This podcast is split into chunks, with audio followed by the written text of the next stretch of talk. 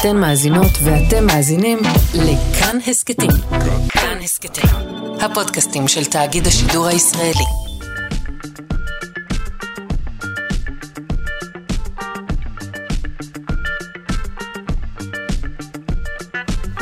שלושה שיודעים.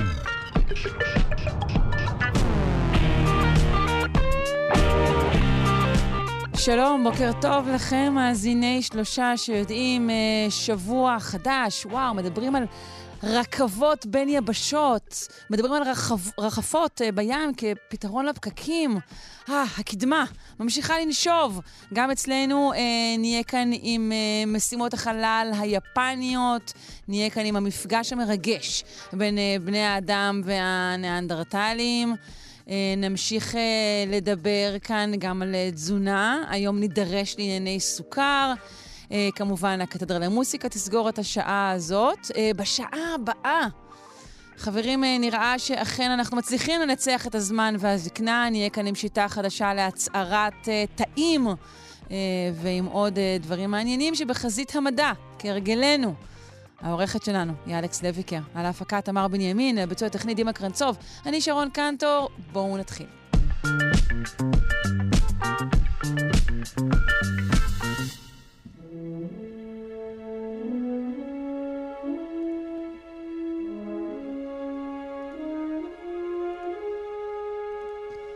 אין, אין רגע דל. אין רגע דל בכלל, אבל אה, אין רגע דל גם במרוץ החלל העולמי. אנחנו כמובן ממשיכים לעקוב. בסוף השבוע האחרון, סוכנות החלל היפנית שיגרה בהצלחה טיל אה, שנושא שתי משימות חלל. טלסקופ אה, חלל שמבוסס על קרני רנטגן ונחתת ירח. אנחנו רוצים לדבר על אה, שתי המשימות האלו עם איתי נבו, כתב לענייני חלל מאתר מכון דוידסון למדע. שלום. בוקר טוב, שרון. בוקר אור. אה, אז אנחנו מדברים על, אה, על בעצם אה, שיגור אחד או על שניים? כן, כן, שיגור אחד, זה לא חדש. הרבה משימות משוגרות במה שנקרא היום ריידשר, כלומר, יש מטען עיקרי לטיל, ואז מכניסים עוד ועוד לוויינים או מטענים אחרים ככל שיש. אה, זה נהדר, זה מאוד חסכוני, תופסים טרמפ, אוקיי. נכון, ממש ככה, טרמפ לחלל. למשל, אה, בראשית שוגרה ככה כטרמפ לשיגור של אה, מה שלוויין תקשורת אינדונזי. Mm-hmm, אוקיי. אז היא לא הייתה המטען העיקרי של הטיל. וגם היפנים עושים את זה בשיטה הזאת. המטען העיקרי אותו טלסקופ חלל, או XRISM, כמו שמבטאים את השם שלו. וזה, כמו שאמרת, טלסקופ שאמור לחקור את היקום בקרני X, קרני רנטגן, ולבדוק תופעות שפולטות את הקרינה הזאת, תופעות מאוד אנרגטיות, כמו למשל אה, מה קורה כשחור שחור בולע כוכב אחר, נפלטת אה, קרינה כזאת, ואז כשמסתכלים, חוקרים את הקרינה בטלסקופ המתאים, אפשר לנתח את התהליכים שמתרחשים, אה, פיצוצי כוכבים כמו סופרנובות. יש הרבה מאוד שאלות שאנחנו לא יודעים לענות עליהן, למשל, איך נוצרים יסודות כבדים בפיצוצים כאלה. אנחנו יודעים פחות או יותר איך נוצרים היסודות עד ברזל, מספר 26 בטבלה המחזורית. אה, בתהליכים של אה, קריסה של כוכבים, למעשה תהליכי היתוך גרעיני בכוכבים. כוכב רגיל, כמו השמש שלנו, הוא בסך הכל מייצר הליום ממימן. אבל כשהוא יסיים את חייו, הוא יתחיל ליצור מהשאריות של ההליום אה, יסודות יותר כבדים, כמו פחמן וחמצן וככה עד ברזל. אבל השאלה מה, מאיפה נוצרים היסודות הכבדים יותר מברזל, אנחנו לא יודעים ממש, ההנחה המקובלת היא שהם נוצרים בסופרנובות, כשהכוכב מתפוצץ והיסודות או הגרעינים מותחים זה בזה בעוצמות אדירות. אה, יש הרבה תיאוריות, הרבה ראיות שתומכות בזה, אבל יש גם הרבה שאלות. אה, איך זה בדיוק קורה, וטלסקופ כזה אמור לסייע לנו אה, לענות על השאלות האלה, ועוד הרבה שאלות שקשורות בהיווצרות היקום, צבירי גלקסיות אה, וכן הלאה. רגע, אתה אומר כמה פעמים טלסקופ כזה, טלסקופ מהסוג הנכון. אתה יכול לעשות לי קצת מיפוי של סוגי הטלסקופים ועל איזה טלסקופ מדובר כאן? כן, קודם כל אנחנו מדברים על טלסקופ חלל, כלומר לוויין שהוא בעצם מותקן עליו אה, טלסקופ. היתרון הגדול של טלסקופי חלל זה שהם נמצאים מחוץ לאטמוספירה. כן. אה, מי שרוצה להסתכל על קרינת רנטגן מחוץ לאטמוספירה, חייב לעשות את זה מטלסקופ חלל, כי האטמוספירה שלנו, למזלנו הרב, בולעת את רוב קרינת הרנטגן שמגיעה מהחלל, אחרת מצבנו פה היה אה, בכי רע. אה, גם אה, טלסקופים שפועלים באולטרה סגול למשל צריכים להיות מחוץ לאטמוספירה, כי האטמוספירה מסננת כמעט את כל הקרינה העל סגולה אה, שמגיעה אלינו מהחלל. אז כשאתה אומר טלסקופ חלל, אתה באמת- מתכוון בראש ובראשונה לכזה שממוקם בחלל, מחוץ לאטמוספירה? נכון, אוקיי. נכון, נכון, לגמרי. אה, כמו האבל וג'יימס ווב, רק שהם אהם. עובדים באורכי גל קרובים לאור הנראה, האבל באור נראה ממש, ג'יימס ווב בעיקר בתת אדום. אה, למעשה לכל סוג של אור, או לכל טווח של גלים אלקטרומגנטיים, יש אה, טלסקופים אחרים, משום שהם צריכים מכשור קצת שונה שמתאים כדי לתפוס את סוג הקרינה הזה. אה, טלסקופ בקרני X למשל, הוא צריך מכשור שמסנן חלק גדול מהקרינה, כי הקרינה הזאת היא מאוד חזקה והיא תהרוס גם מכשירים אלקטרוניים בעוצמות המלאות שלה, אז צריך כל פעם להוריד קצת מהקרינה, לסנן אותה, וככה אפשר למדוד בסופו של דבר כמה הגיע אל הטלסקופ אה, במקור. ולכן זה גם טלסקופ יחסית גדול. טלסקופי אקסרי הם מטבעם גדולים יחסית. פה אנחנו מדברים תן לי על גודל. בגודל של אוטובוס בערך. אה, אה, זאת די אומרת, גדול. ממש אה, אורך של, כן, אורך של אה, שישה או שבעה מטרים. אה, זה חתיכת אה, דבר. אה, והוא נמצא, יימצא במסלול, אה, ייכנס למסלול אה, יחסית אה, נמוך, משהו כמו 550 קילומטרים, גבוה ללוויינים, אבל נמוך יחסית לטלסקופים. ועכשיו הוא נכנס למסלול הזה, אמור להתחיל לעשות אה, בדיקות וכיול של המכשירים, זה ייקח עוד כמה חודשים, ורק אז אנחנו יכולים להתחיל אה, לצפות לתוצאות המדעיות שלו. בוא נדבר על המטען השני של הטיל הזה. המטען השני הוא נחתת ירח אה, בשם סלים, ראשי תיבות של נחתת מדויקת במיוחד, וכשמו כן הוא, זאת נחתת שאמורה להדגים טכנולוגיה לנחות ב, אה, בדיוק על המטרה שרוצים להגיע. כדי לעשות את זה, היפנים מתכוונים להנחית אותה במרכז מכתש בקוטר 300 מטר, שזה לא מכתש גדול במיוחד, אה, על הירח, וזה... אה, המערכת הזאת מבוססת למעשה על אה, שילוב של כמה טכנולוגיות, כמו אה, ניווט מתקדם וראייה ממוחשבת, זאת אומרת, המצלמות שלה בעצם מסתכלות למטה, והמחשב מנתח את מה שהוא רואה בהשוואה למפות שיש לו, אה, והם אומרים, לדברי אותם אה, מפעילים של המשימה הזאת בסוכנות החלל היפנית, אם נצליח בזה, אנחנו פה עושים קפיצת מדרגה ביכולת לבצע נחיתות מדויקות על הירח, גם על מקומות אחרים בעתיד, וכמובן שיהיה אפשר ליישם את הטכנולוגיה הזאת במחיר המתאים. אה, בכל מי שירצה אה, להנחית חללית על הירח. גם החללית הזאת, הנחתת הזאת, היא קטנה יחסית. פה אנחנו מדברים על אה, משהו בגודל של קצת פחות ממכונית פרטית, די דומה לנחתת ההודית שסיקרנו את הנחיתה שלה לאחרונה, וגם דומה לבראשית מבחינת הסדר גודל. ולכן, מכיוון שאין לה הרבה דלק, היא תעשה מסלול מאוד ארוך לירח, ייקח לה משהו כמו בין ארבעה לשישה חודשים אה, להגיע למסלול שהיא רוצה, להיכנס למסלול שהיא רוצה סביב הירח, ואז אה, תיכנס לפרוצדורה של הנחיתה. החללית היפנית הקודמת אה, נכשלה בניסיון הזה, נכון?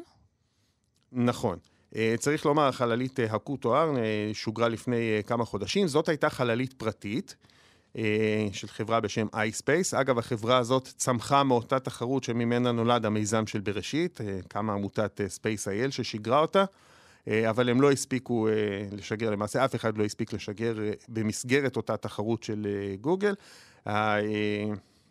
אה, החברה, הקבוצה הישראלית הפכה לעמותת Space.il ופועלת במשימות אה, חינוכיות.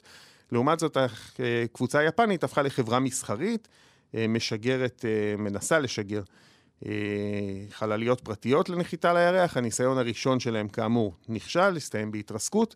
יש להם עוד כמה מתוכננים בקנה, ואגב, על המשימה השלישית שמתוכננת ברשימה שלהם, יש גם ניסוי ישראלי של אה, חברה פרטית, חברת הליוס, שמפתחת טכנולוגיות להפקת אה, חמצן מהמתכות, אה, מתחמוצות המתכת שיש באדמת הירח. היא פשוט יכולה לקחת את האדמות האלה? שאלה נדל"נית. בינתיים לפחות אין, אין הגבלות על השימוש בקרקע הירח. אבל אני רואה שנהיה יותר נוחת ויותר שם. צפוף. אנחנו כל שבוע שומעים על ניסיון ו/או על הצלחה, אז אולי צריך להתחיל להסדיר את העסק.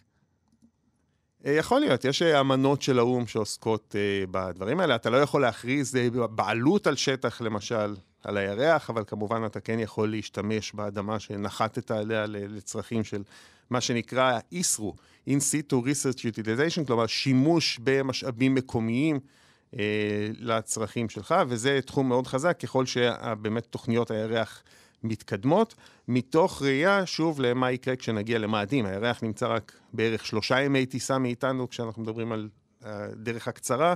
מאדים הדרך הרבה הרבה יותר אה, רחוקה, וככל שאנחנו רוצים לסחוב לשם דברים, זה מקפיץ את העלויות של משימות בסדרי גודל מטורפים, כך שככל שנוכל להשתמש יותר ויותר במשאבים מקומיים, אז זה יקל ויהפוך משימות כאלה לאפשריות.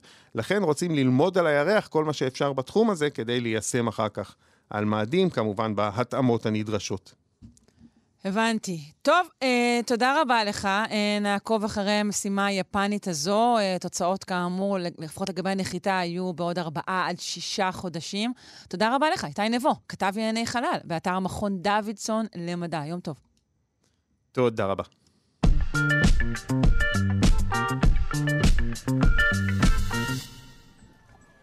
הו, אנחנו עם פינה אחרונה לסדרה ארוכה זו של ההיסטוריה של הפרה-היסטוריה.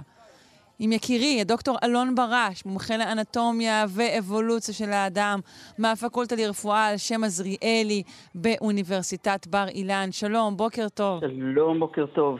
הו, כמה תחסר לנו על, על, על, על הגולגלות, על העצמות היבשות, אה, חלקי האדם, באמת, אה, יהיה לי קשה. אה, כן, גם לי זה יהיה קשה, אבל צריך, צריך לעשות עוד כמה דברים. נכון, צריך, לה, צריך להמשיך הלאה, זה לא, לא, לא הכל רק בפרה-היסטוריה. לרגל פגישתנו הרדיופונית האחרונה, על מה נשוחח? אנחנו נשחח על הקבוצה שבאמת הכי מסקרנת אותי כרגע, מחקרית לפחות, ואלה הנאנדרטלים. אה, שבאמת אה, כל פעם שאנחנו מגלים משהו, וזה כבר 150 שנה שאנחנו מגלים עליהם דברים, אנחנו עושים כאילו צעד קדימה ושניים אחורה.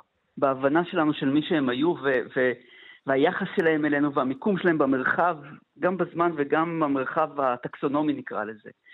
למה בעצם מאוד... שניים אחורה? כי, כי אתה חושב שאתה מבין משהו ופתאום מסתבר שמה שחשבת שאתה מבין זה לא בדיוק ככה. אמ, הדוגמה הכי קטנה זה שאנחנו יודעים לפי ה-DNA שהתרבנו איתם. יש בכל אחד מאיתנו קצת DNA של ניאנדרטלים, אנחנו כבר יודעים את זה, דיברנו על זה, וזה משהו שהוא כבר נחקר עוד ועוד ועוד. אבל באמת, אה, כל עצם שאתה לוקח של ניאנדרטל, אה, נראית שונה מעצם של אדם מודרני. לא רק במבוגרים, אני עכשיו עובד על תינוק של ניאנדרטל, אה, שנמצא פה בארץ, נחל עמוד. למי לא יצא, כן. ברור, כמובן. אה, וכל עצם, אפילו תינוק בן, בן חצי שנה בערך, הוא, הוא נראה שונה לחלוטין אה, מתינוק של אדם מודרני. כל, באמת, אתה רואה את זה בכל עצם, ואם זה כך, אז, אז איפה, איך זה יכול להיות שתרבנו אחד עם, עם השני? איפה ההבדלים הגנטיים ולמה יש לנו כל כך הרבה הבדלים מורפולוגיים? אה, ו, ו, ונוסיף לזה את העובדה ש, שהמקום היחידי שפיזית יש לנו עדות שהם נפגשו אחד עם השני, הנאנדרטלים ובני אדם, זה רק פה בישראל. עם כל מה שאנחנו יודעים על אירופה, כן, עם כל מה שאנחנו יודעים על אירופה, וכל, אה, וכל ה... באמת, המחקר ש...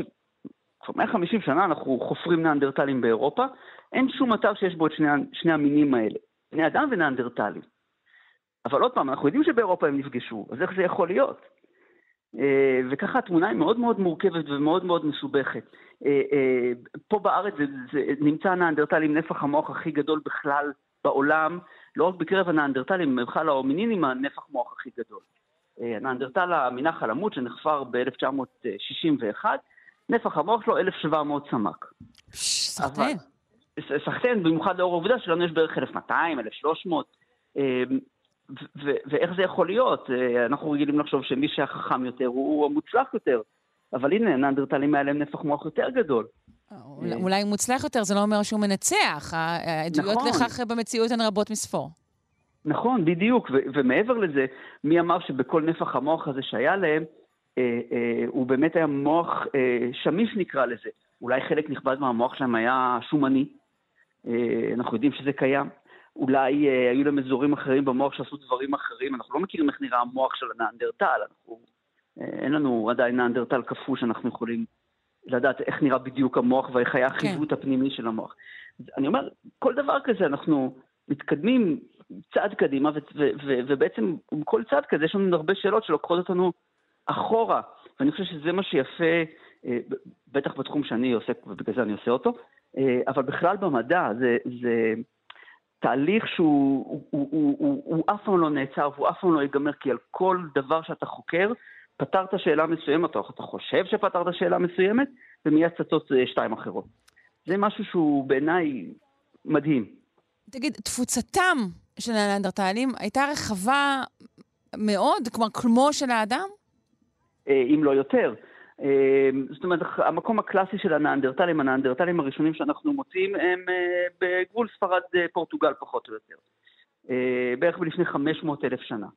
ומשם מתפשטים אה, למעשה עד אוזבקיסטן, זאת אומרת כמעט, כמעט מונגוליה למעשה, מאוד מאוד זזים מזרחה, דרום הם מגיעים עד ישראל, עד כמה שאנחנו יודעים, התפיסה הדרומית ביותר שלהם היא בישראל. ולמעשה כשהאדם המודרני יוצא מאפריקה, בערך לפני 200 אלף שנה, אה, ובכמה גלים של הגירה, המקום היחידי שאנחנו יודעים שהם נפגשו זה עם זה, פה, פה במערות הכרמל, מערת טאבון, אחת ממערות הכרמל. זה המקום היחידי שאנחנו יודעים שבאותה שכבה ארכיאולוגית אנחנו מוצאים גם נאנדרטלים וגם בני אדם. אה, וכאן הם נפגשו. ולמעשה, אה, אנחנו כל כך יודעים שהם נפגשו, שהם ייצרו אותם כלי אבן, אותם כלי צור. טכניקת ייצור הכלים של בני אדם ונאנדרטלים בתקופות האלה, נקרא התקופה המוסטרית, נראות אותו דבר, האבנים נראות אותו דבר. זאת אומרת שלפחות נראה שהייתה איזושהי החלפה של ידע. אה, אבל זה לא קיים באירופה. באירופה אנחנו לא רואים את זה ככה. Mm. שוב, יש נאנדרטלים ויש בני אדם, והם לא מייצרים בדיוק את אותם טכניקת uh, כלים. ובני אדם מגיעים לאירופה רק אחרי שהנאנדרטלים uh, uh, מתחילים לפחות להיעלם. Uh, אין שום מקום שאנחנו יודעים uh, בו זמנית באותו אזור שיש גם וגם. זה מאוד מאוד מסקרן. תגיד, יש טענה שאחת הסיבות שאנחנו בעצם מוצאים כל כך הרבה שיירים של אדם נאנדרטלי, היא בעצם אזור התפוצה שלו, שהוא פשוט אזור שהוא אזור נחקר מאוד. נכון, זה ממש ככה, וזה אחד מהבייסים שקיימים בכלל במדע, בכל מדע יש איזשהו בייס, איזשהו אה, אה, הטיה, וגם אצלנו. אירופה נחקרה הרבה יותר מאשר המזרח הרחוק למשל. אמ, ובאמת היום יש דגש מאוד גדול על כל דרום-מזרח אסיה ועל, ועל סין, אה, במיוחד בתקופות זמן האלה, וכל פעם אנחנו גם דיברנו על עוד, על, על עוד מאמר שיוצא בסין ועוד מאמר שיוצא בסין, כי אלה אזורים שפחות נחקרו. לגמרי יש לנו הטיה לגבי אירופה.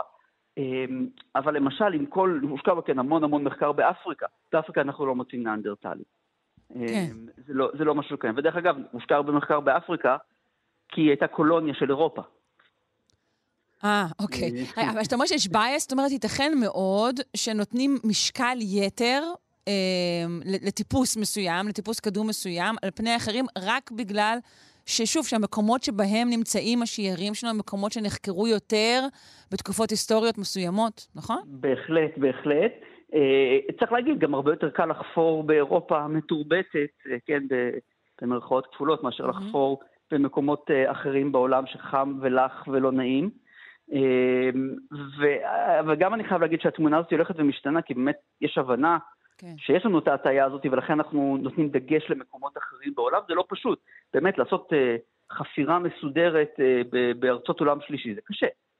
צריך להגיד את זה. כן, וכמו שאמרת על חם ולח, גם הטיה מסוימת היא גם הטיה אקלימית, כי אולי ממצאים, נגיד באירופה, נשמרו יותר, בטח אם הם נמצאים בתוך, בתוך מערות. למשל DNA, מצליחים להפיק בעיקר באירופה, DNA מעצמות קדומות.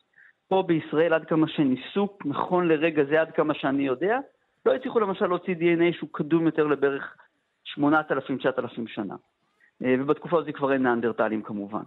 אה, באירופה שמזג האוויר הרבה יותר אה, אחיד אפילו נקרא לזה, זאת אומרת ההבדל בין קיץ לחורף הוא יחסית זניח, קריר הרבה יותר מאשר אצלנו לדוגמה, ולכן מצליחים להוציא DNA. אה, רוב ה-DNA שמצליחים להוציא של הנאנדרטלים זה ממערות. אה, פה זה פחות קיים. אבל זה בגלל שהם, שהם חיו בעיקר במערות, לא? נכון, אבל גם פה הם חיו במערות, אבל תנאי השימור בקרקע בישראל פחות mm. טובים, גם מבחינה אקלימית הם פחות טובים. אז, אז, אז כשאני אומר שיש נאנדרטלים בישראל ונאנדרטלים באירופה, יכול להיות שאם נצליח להפיק אי פעם DNA מנאנדרטלים בישראל, נגיע למסקנה שזה בכלל לא אותו מין. זה, זה דברים שיכולים מאוד לשנות את התמונה, וכרגע אין לנו את היכולת הזאת, אולי מתישהו תהיה. וואו. כן. אה, טוב, אז תראה, כשתהיה, אז תתקשר אלינו, בסדר? מבטיח. אתם הראשונים שתקבלו את הטלפון. יופי. אני מאוד מודה לך על באמת אה, אין ספור הפינות הנפלאות שהענקת לנו, אה, ומאחלת לך אמ, פשוט לפגוש הרבה עצמות נפלאות אה, בהמשך דרכך. בהחלט, תודה רבה, ובאמת שמחתי. תודה רבה לך, דוקטור אלון ברש, מומחה לאנטומיה ואבולוציה של האדם מהפקולטה לרפואה על שם עזריאלי באוניברסיטת בר אילן. להתראות. להתראות.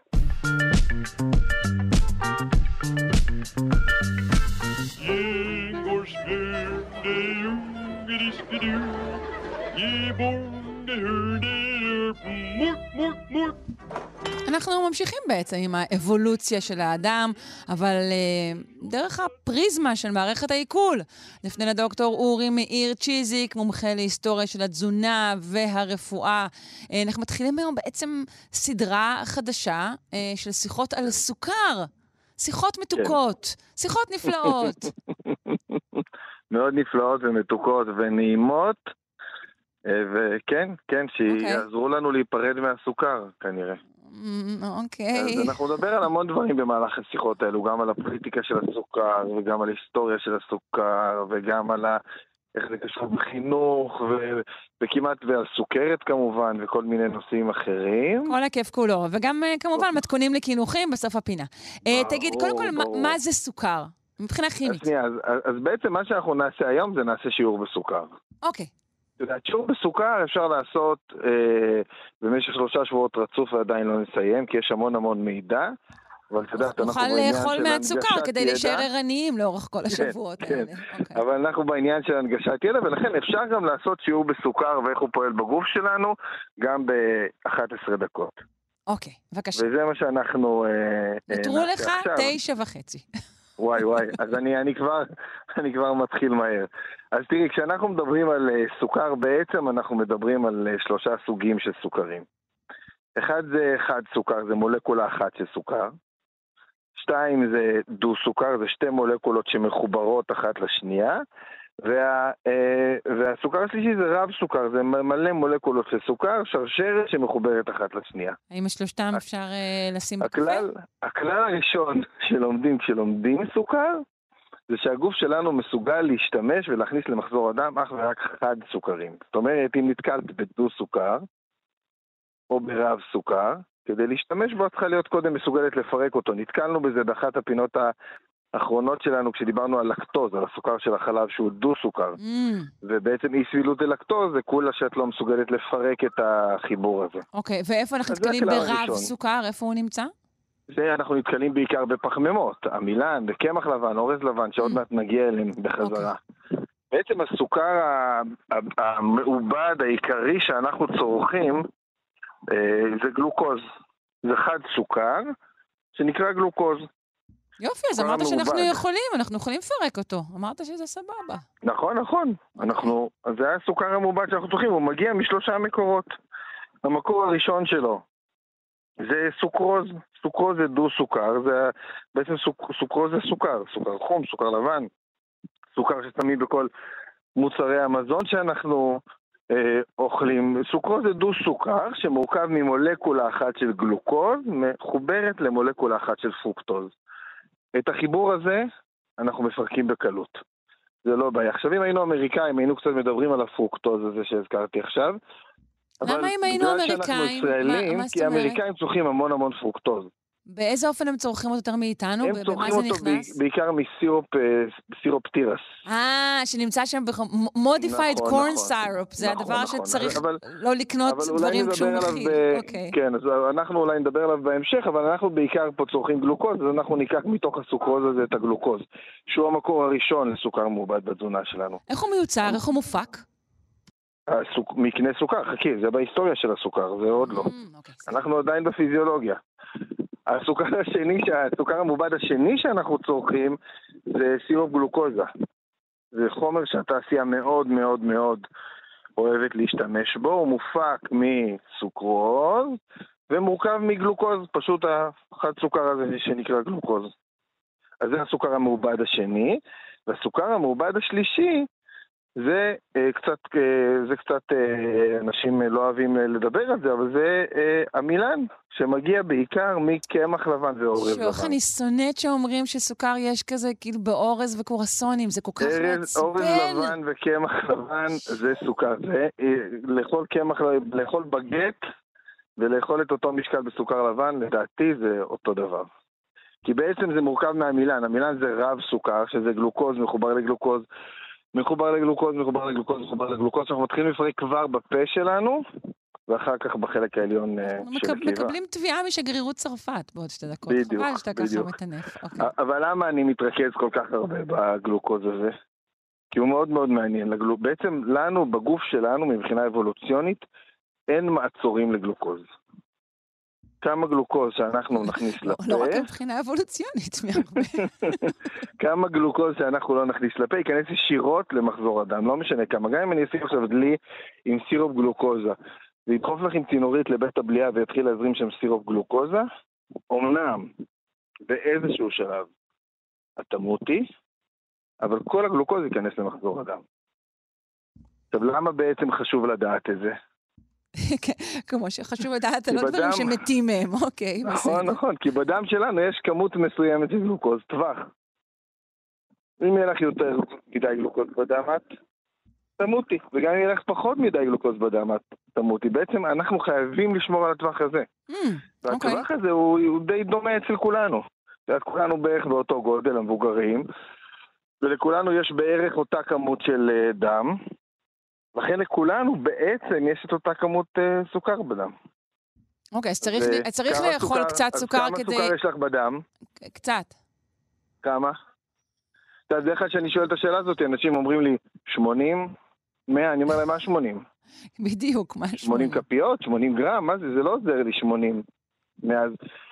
תדעי שכשאומרים לך 100 בבדיקות, זה אומר שבכל מחזור הדם שלך יש 4.5 גרם. כפית אחת של סוכר.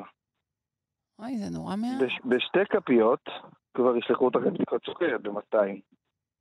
למה, למה, אז רגע, רגע, אבל אם כש- כשאני אוכלת את אותו בגט, אז או, ישר אחרי האכילה. לפתע יש לי אה, שתי אז באמת, כפיות סוכר? קורה, מה קורה כשבן אדם הולך לאכול אה, בגט אה, עם שווארמה וחצי ליטר קולה? הוא אוכל בערך יותר מפי 20, לפחות יותר מפי 20 סוכר ממה שיש לו במחזור הדם. גם ילד, תחשבי, ילד הוא יותר קטן, יש לו פחות דם, זה אומר שיש לו פחות סוכר. ילד שהולך למסיבת יום הולדת אוכל בין פי 30 לפי 40 סוכר במה שיש לו במחזור הדם. ממה שיש לו נכון, אבל הוא לא מת, הוא- אבל הוא בעצם? לא מת, הוא שמח. מה קורה בעצם במצב כזה? במצב כזה הדם שלנו מקבל מכה של סוכר והגוף שלנו נכנס למצב של מלחמה. למה מלחמה? כי הוא צריך לאזן את רמות הסוכר, אחרת נמות. ואז הוא מפריש הורמון ששמעת עליו בטח שנקרא אינסולין. מהמם, כן. שבמקרה הזה התפקיד שלו זה לפנות את עודפי הסוכר מהדם. הוא אוקיי. מפריש, מפריש, מפריש, מפריש, מפריש, מפריש, מפריש אינסולין כמו במלחמה. מהמם. כי הוא בטירוף, הוא, ב, הוא במלחמה. ואז מה שקורה זה שבאמת אה, הסוכר בדם יורד, אבל בעצם בגלל שזה כמו במלחמה, הדם מוצף באינסולין. ואז הסוכר יורד נמוך מדי. ואז המוח שלנו מקבל פקודה להשיג עוד סוכר. בגלל זה, דרך אגב, ילד יעשה הכל כדי להשיג את מנת הסוכר הבאה שלו. יבכה, יקלל, יצרח, ישבור, זה לא אשמתו, הוא לא שולט בזה. כאילו זה המהלך הממכר של ה- של לו, הסוכר. כן, את המנה הראשונה. עכשיו, לא- עכשיו, אם כל התהליך הזה שתיארתי עכשיו, אם הוא היה קורה פעם בשבוע, מילא, האמת שגם אם הוא היה קורה חמש פעמים בשבוע, מילא. אבל שכל התהליך הזה שתיארתי עכשיו קורה ארבע, חמש פעמים ביום, יש לזה השלכות. יש לזה השלכות בטווח הקצר, ויש לזה השלכות בטווח הארוך. אבל אנחנו כאילו איתך, ואנחנו אומרים, וואלה, כן, לא צריך לתת לילד ממתקים, בטח לא על כל ארוחה וזה, אבל ברגע שאתה אומר לי, גברת, זה גם בבגט, אז אני בבעיה, אני... אז בבעיה, צריכה לעבור לקמח מלא, כמו שאמרנו כשדיברנו על חיטה. אז שנייה, אז ההשלכות של זה בטווח הקצר, אני לא כזה מומחה. זה הפרעות קשב וריכוז, דלקתיות, את יודעת, הורים נותנים לילדים שלהם על הבוקר נבוט של סוכר על הראש, מכניסים את הגוף למצב של מלחמה, ואז מבקשים מהם לשבת במשך שש שעות בשקט ולעשות דברים נגד רצונם. זה לא הגיוני. זה לא, לא תמיד זה נגד, את לא תמיד נגד. רצונם, לפעמים זה בעד רצונם, אם השיעור נורא נורא אה. מעניין. נכון, זה זה נדיר, נדיר. בכל, הלוואי וזה היה ככה בכל, אה, בכל מקום. בכל מקרה, זה בטווח הקצר. הבעיה שלנו היא בטווח הארוך. כי כשאנחנו שוחקים ושוחקים את המערכת כל פעם מחדש, כמה פעמים ביום, באיזשהו שלב, המערכת הזאת, שהיא אמונה על ויסות רמות הסוכר בדם, היא תפסיק לתפקד. או תהיה בה תקלה. רגע, אה, אורי, אני לזה צריכה רגע, קוראים- רגע, אני צריכה רגע לעצור כן. אותך, שנייה. כי אתה, אתה כאילו אומר דברים, אני איתך לגמרי, אבל בוא למען ההגינות, תגיד, יש אנשים שאומרים שזה לא שוחק את המערכת, אלא מאמן אותה, ושזה ממש סבבה זה לא אה, נכון. לאכול אה, לא, לא. קמח לבן? לא, ו- לא. לא, אין, אין אנשים כאלו. אוקיי. תשאלי את יושב ראש הוועדה הלאומית לסוכרת, את אנשי הרפואה, כולם מבינים שסוכר מעובד. היום אנחנו יודעים שככל שאוכלים במקום מסוים בעולם יותר סוכר מעובד, יש יותר סוכרת, אין מה לעשות. עכשיו, צריך להגיד, באמת, השחיקה הזאת היא זאת שמביאה לסוכרת. סוכרת זו המחלה הראשונה שהיא לא מחלה זיהומית, שהוא מכריז עליה כמגפה. בישראל יש 750 אלף איש שחולים בסוכרת או דם סוכרת וקצב הגידול שלה הוא 5.5% בשנה והוא כל הזמן עולה. אנחנו עכשיו זכינו בשלוש שנים האחרונות אנו מדינה מספר אחת ב-OECD בכריתת איברים מסוכרת. הסטטיסטיקות של בתי החולים הגדולים בארץ אומרות שכל אחד מארבעה ילדים שנולד היום יהיה חולה בסוכרת לפני גיל 50. עכשיו, הנתונים האלה זה לא נתונים שלי, זה נתונים של משרד הבריאות. כן, זה נתונים שהיו שם כשביטלו את המס על אה, שתייה ממותקת, כן. כן, ולמרות זאת כולם ממשיכים לאכול סוכר, כאילו אין מחר. כן. ו- אמ, וזאת הבעיה שאנחנו צריכים לדבר עליה. אוקיי, אנחנו נידרש מתישהו לפרדוקס הצרפתי, שכולל גם אה, קורסונים ובגטים, ועדיין כן, אנחנו נדמה לי נדבר על זה. שאנשים לא חולים כן, שם עדיין יש שם הרבה. מאוד סוכרת, אני יכול לתת לך בדיוק אה, את יש שם הנתונים. דווקא? אוקיי. יש את האטלס הסוכרת, הם לא פחות מאיתנו בסוכרת, גם הסינים שאוכלים אורז לבן חולים בסוכרת הרבה יותר מאיתנו, אנחנו במגפת סוכרת אה, עולמית אה, נוראית, ש, שהיא פוגעת ב, בהמון המון אה, מרכיבים שאנחנו נדבר עליהם כשנדבר על, אה, על הסוכרת. יש למה לצפות. אה, יש למה לצפות, יש לנו הרבה על מה לדבר בשבועות הקרובים. בסדר גמור.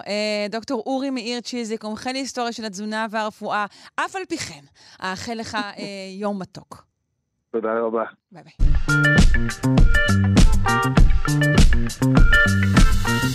כרגיל, מסיימים את השעה הראשונה אה, שלנו, שלושה שיודעים, ביום ראשון, עם הקתדרה למוזיקה ב- של הפרופסור משה זורמן, שהוא מלחין, מנצח ומייסד הקתדרה למוזיקה, בשיתוף הדוקטור אסטרית בלצן. בוקר טוב. בוקר טוב, שרון. על מה נשוחח הבוקר? מה נשמע? על, החג המתקרב, ראש השנה, אה, נכון. אבל מזווית מאוד מעניינת, אני חושב שזה מה שצריך, ל... איך ככה צריך ללמד את uh, תולדות עם ישראל, לפי השירים שנכתבו פה בארץ. זה הכי כיף לראות איך הדברים משתנים.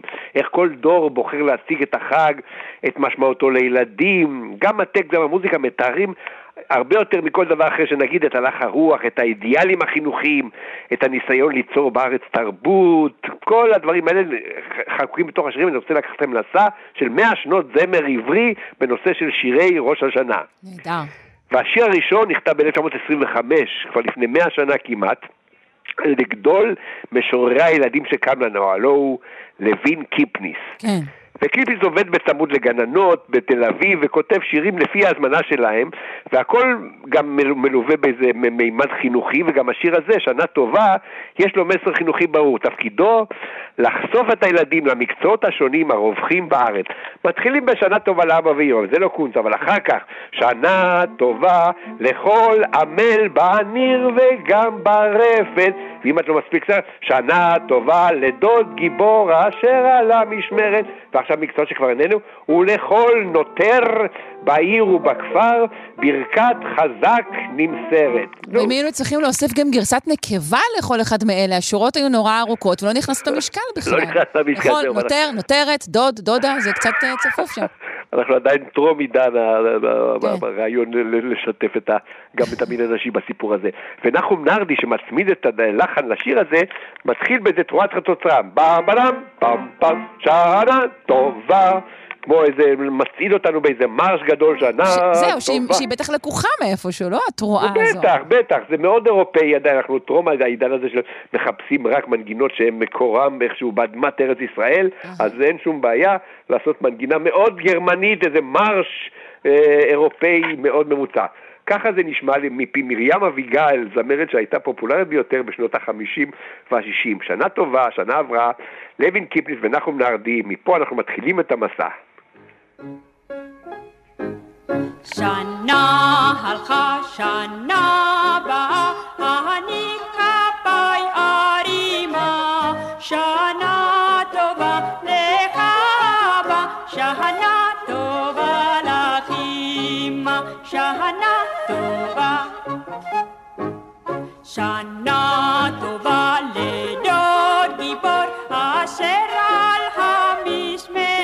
אוי, זה שונה מאיך שאנחנו היינו שרים את זה מבחינת המשקל, כי אנחנו היינו שרים שנה טובה, שנה, ו- כאילו, אז- נכון, החלוקה של החצי השני של השורה הוא שונה נכון, לגמרי. נכון, נכון, אבל ככה כתב את זה במקור אה, נחום נרדי.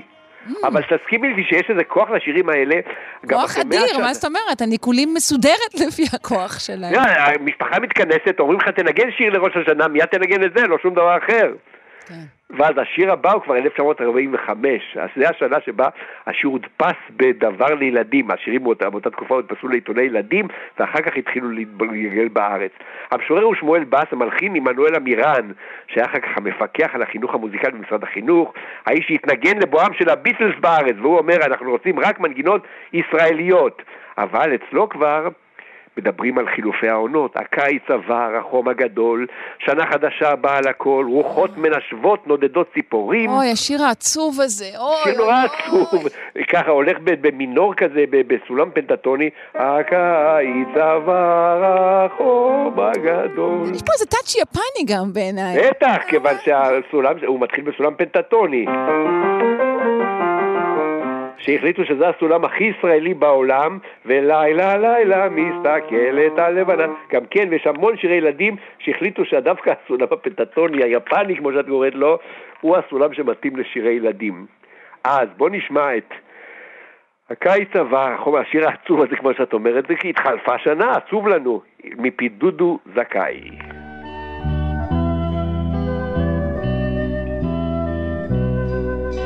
הקיץ עבר,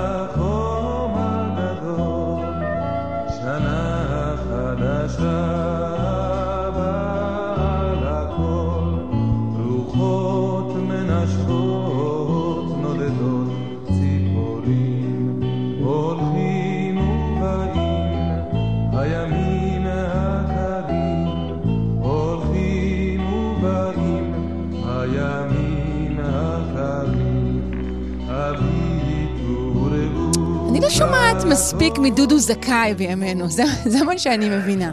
כן, אין אבל לי האיש מספיק דודו זכאי באזור. בקיבוצו, וכנראה שאני עושה דברים שקצת יותר נחמדים. וגם הקולות האלה הגבריים כבר איכשהו פסו מן העולם קצת, אין מה לעשות. זהו, אבל זה שיר נורא יפה, וכמו שאת אומרת, שיר נורא עצוב. אבל אנחנו נלך למשהו אחר. ב-77 מגיעים לכהנת הגדולה של הזמר העברי, לנעמי שמר.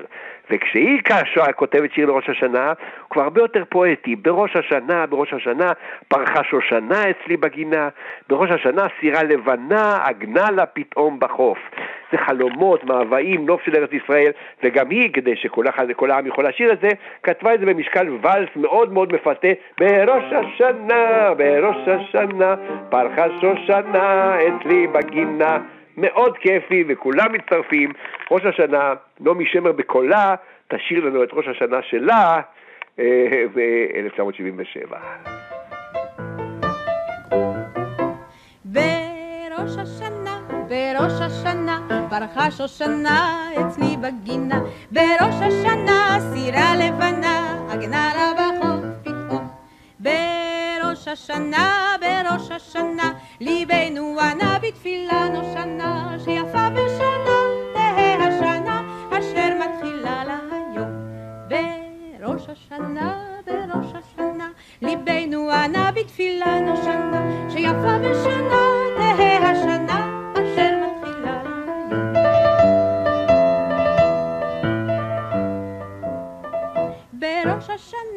בראש השנה, ברחה עננה ברקיע הסתיו.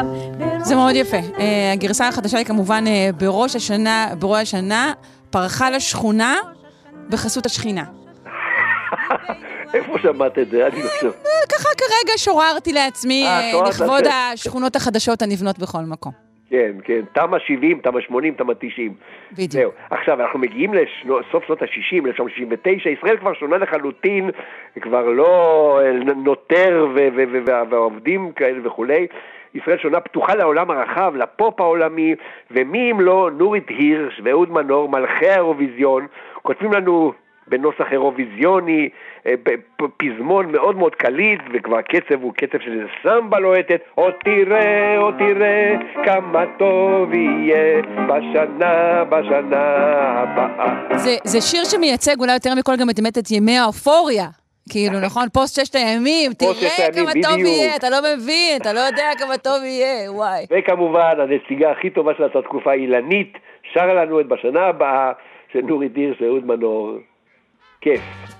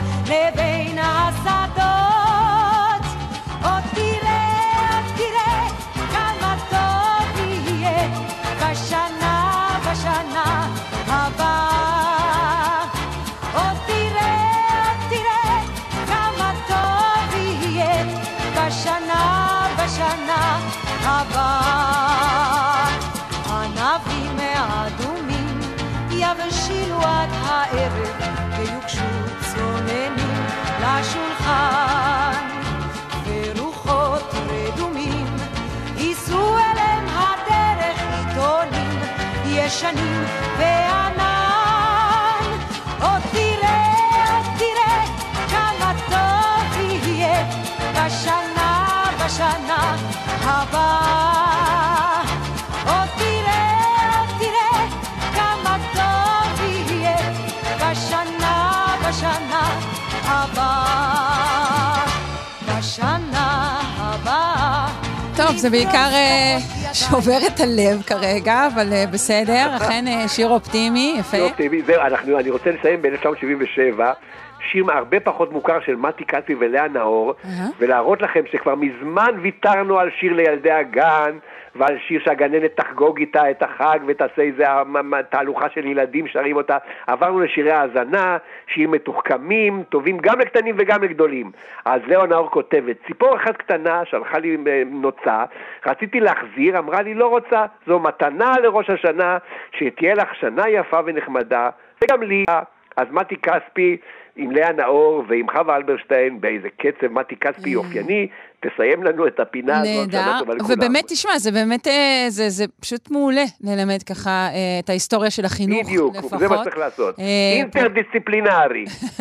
פרופסור משה זורמן, תודה רבה, עד השבוע. הבא. מתנה לראש השנה. שנה טובה. שנה טובה.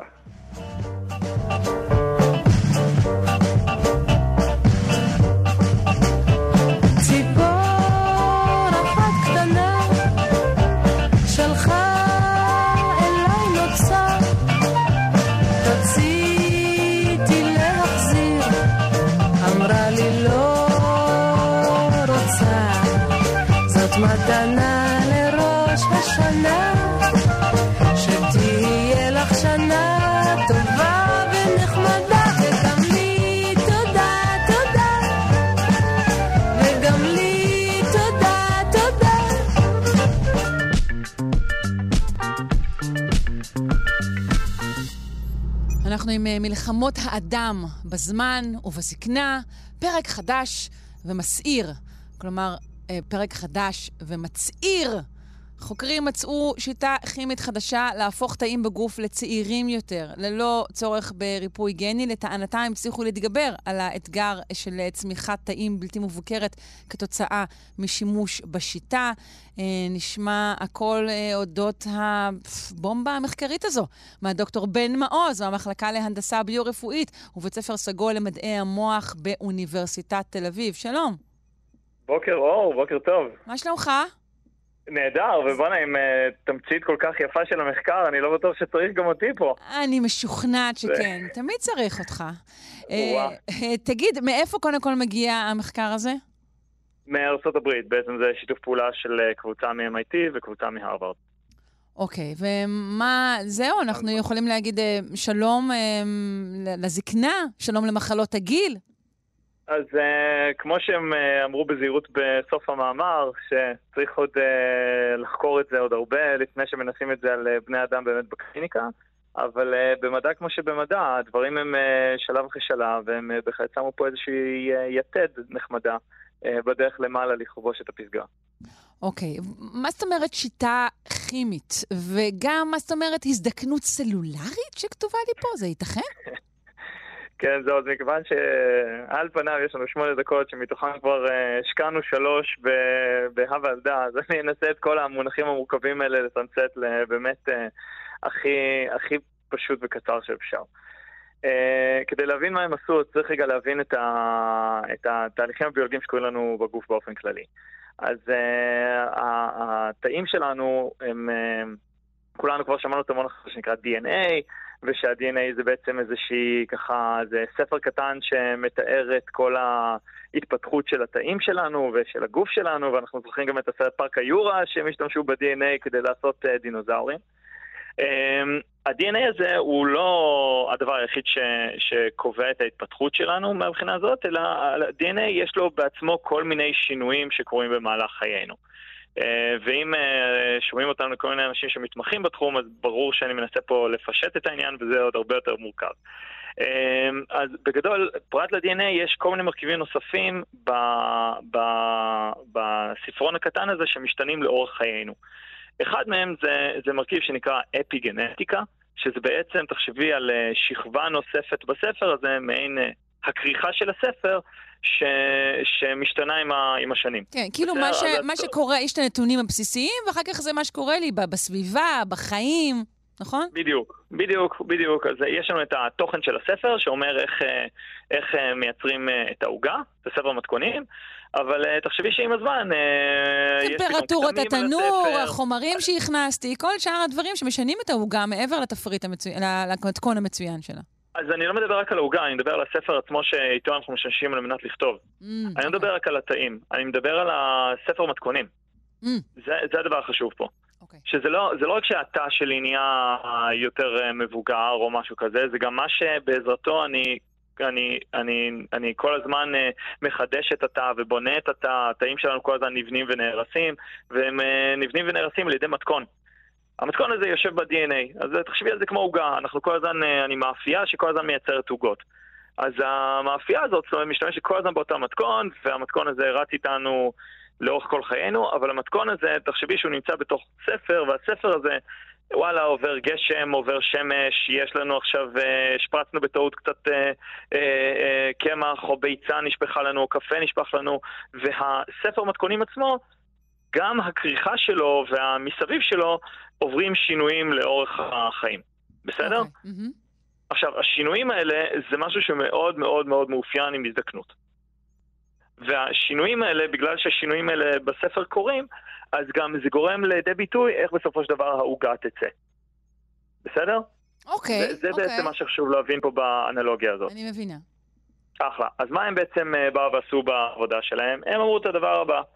בוא נראה, אמ, בוא נראה, קודם כל, אם אנחנו מצליחים לזהות מה המרכיבים האלה בעצם בכריכה של הספר, או המרכיבים, מה שנקרא אפיגנטיים, שבעצם הם המרכיבים שקשורים, שההשתנות שלהם היא איפשהו משפיעה על תהליך ההזדקנות שלנו. אוקיי? זאת אומרת, עכשיו, עכשיו אה, שפריץ לי אה, קמח על, ה- על הכריכה. זה ישפיע על התוצר של העוגה, העוגה תהיה צעירה יותר? אז כנראה שלא.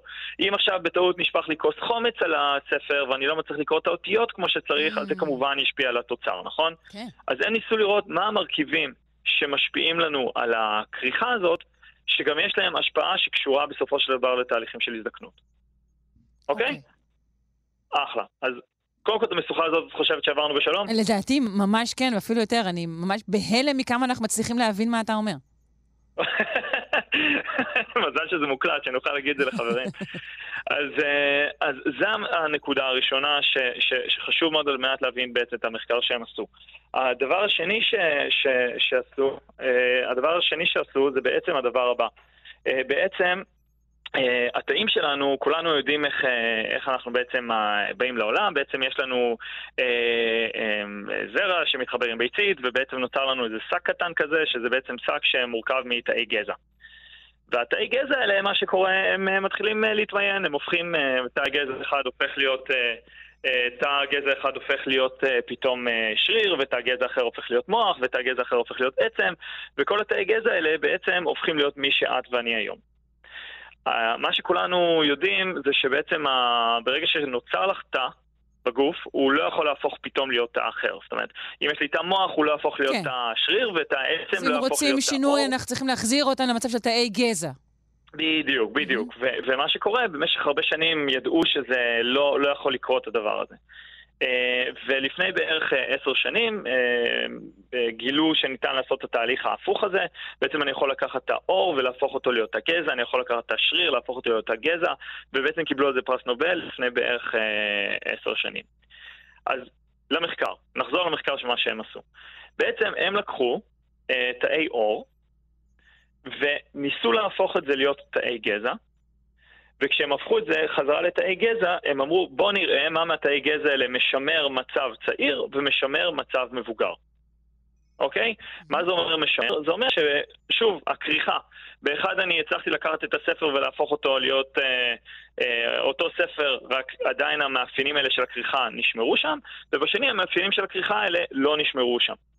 אוקיי? אוקיי. איכשהו הצלחתי לנקות את הכריכה כשלקחתי את התאים למצב הקודם שלהם, למצב התאי גזע שלהם. אוקיי? כן.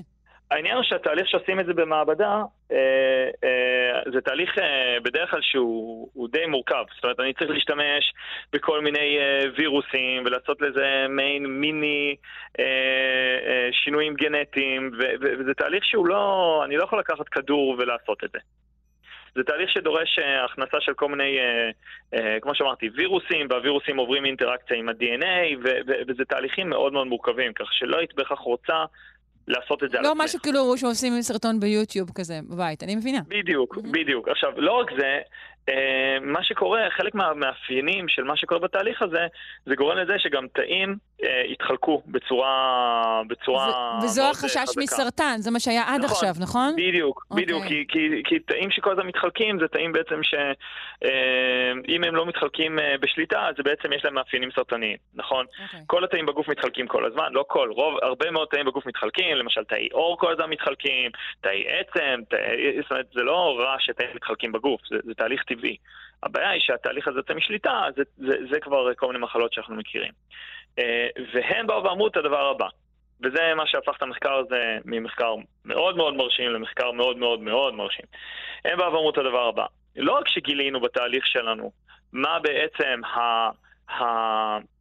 הדברים שאותם צריך לנקות על מנת שהכריכה תחזור להיות צעירה, אלא אנחנו גם מצאנו דרך אה, לשלוט על זה כדי באמת אה, שהכריכה תהפוך להיות צעירה. הדרך שהצלחנו לעשות את זה היא לא דרך אה, אה, מסוכנת, היא דרך שפשוט על ידי כל מיני אה, כימיקלים, שזה גם מה שאמרת ככה במבוא הקטן, שעל ידי כימיקלים את לא צריכה להתחיל לבלוע וירוסים ואת לא צריכה להתחיל לבלוע כל מיני דברים אה, מסוכנים ומורכבים, אלא הם אומרים פשוט תקחי כל מיני כימיקלים שהסכנה בלקחת אותם היא מופחתת. אוקיי. מאשר אה, זאת- תהליכים זאת ביולוגיים, המהפכה אה, הגדולה פה אה, במחקר הזה. אז לא, זה כל הדברים. כל זה הדבר שהם כולו. הצליחו אוקיי. למצוא את הפקטורים הביולוגיים שגורמים לתאים אה, להראות אה, אה, מצב של אה, תאים צעירים. אה, שהם הראו איך הם יכולים לשלוט על הכריכה הזאת, משמע לשלוט על הדברים האפי-גנטיים. הם הראו שהם יודעים להשתמש בכל מיני פקטורים על מנת לשלוט בתהליך ולהפוך באמת את התהליך לצעיר יותר. הם החזירו לקופים שהם ראייה, נכון? אני אני לא טועה.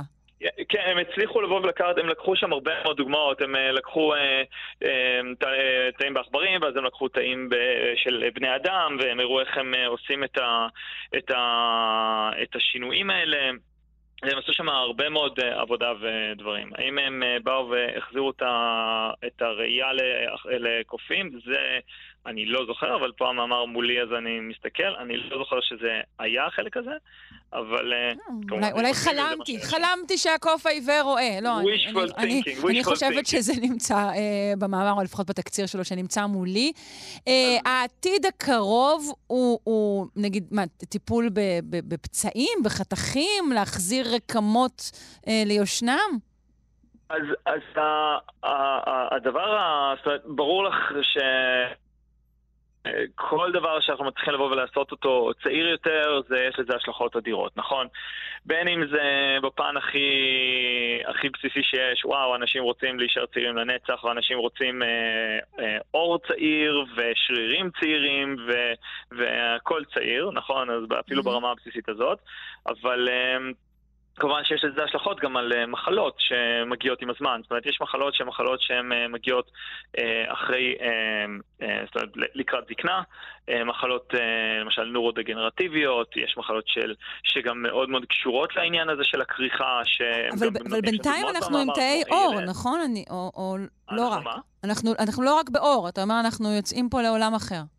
לא, לא, לגמרי, אז הם למשל נותנים דוגמה במאמר שוואלה, יכול להיות לזה השלכות על אה, מחלות כמו ALS, יכול להיות לזה מח... השפעה על מחלות כמו מחלות נורו-דגנרטיביות, אלצהיימר, פרקינסון, דברים כאלה, אבל אה, חשוב לציין שכל מי ששומע שזה זה עוד, לא, זה עוד לא קרוב. זאת אומרת, אה, זה, זה כמו שהם כתבו גם במאמר בזהירות, הם אומרים זה דורש עוד הרבה מאוד עבודה, והם בהחלט מראים פה איזושהי התכנות יפה, אבל אה, זה, זה עוד לא יקרה מחר. וזה שתלכי לסופר ותוכלי לקחת כדור ולהגיד, הנה, אני נהיה צעירה יותר. איפה הם, נשכן אה, את כל בני האדם האלה שיישארו פה? אני מאוד מודאגת. אמ, אה, טוב, בהחלט אה, מעולם המשפט יש, יש אחרי מה לעקוב, אה, לא היה נשמע נכון יותר. אה, אני ממש מודה לך על, על השיעור המבריק והקצר הזה שנתת לנו, אה, ונשתמע. דוקטור בן מעוז, תודה המחלקה... רבה ל- שהזמנתם אותי, ושיהיה לכולם שנה טובה, ותמיד כיף. לדבר איתכם, ושיהיה באמת שבוע מוצלח. שבוע מוצלח, דוקטור בן מעוז, המחלקה להנדסה ביו-רפואית ובית ספר סגול למדעי המוח באוניברסיטת תל אביב. ביי ביי. נהדר, ביי.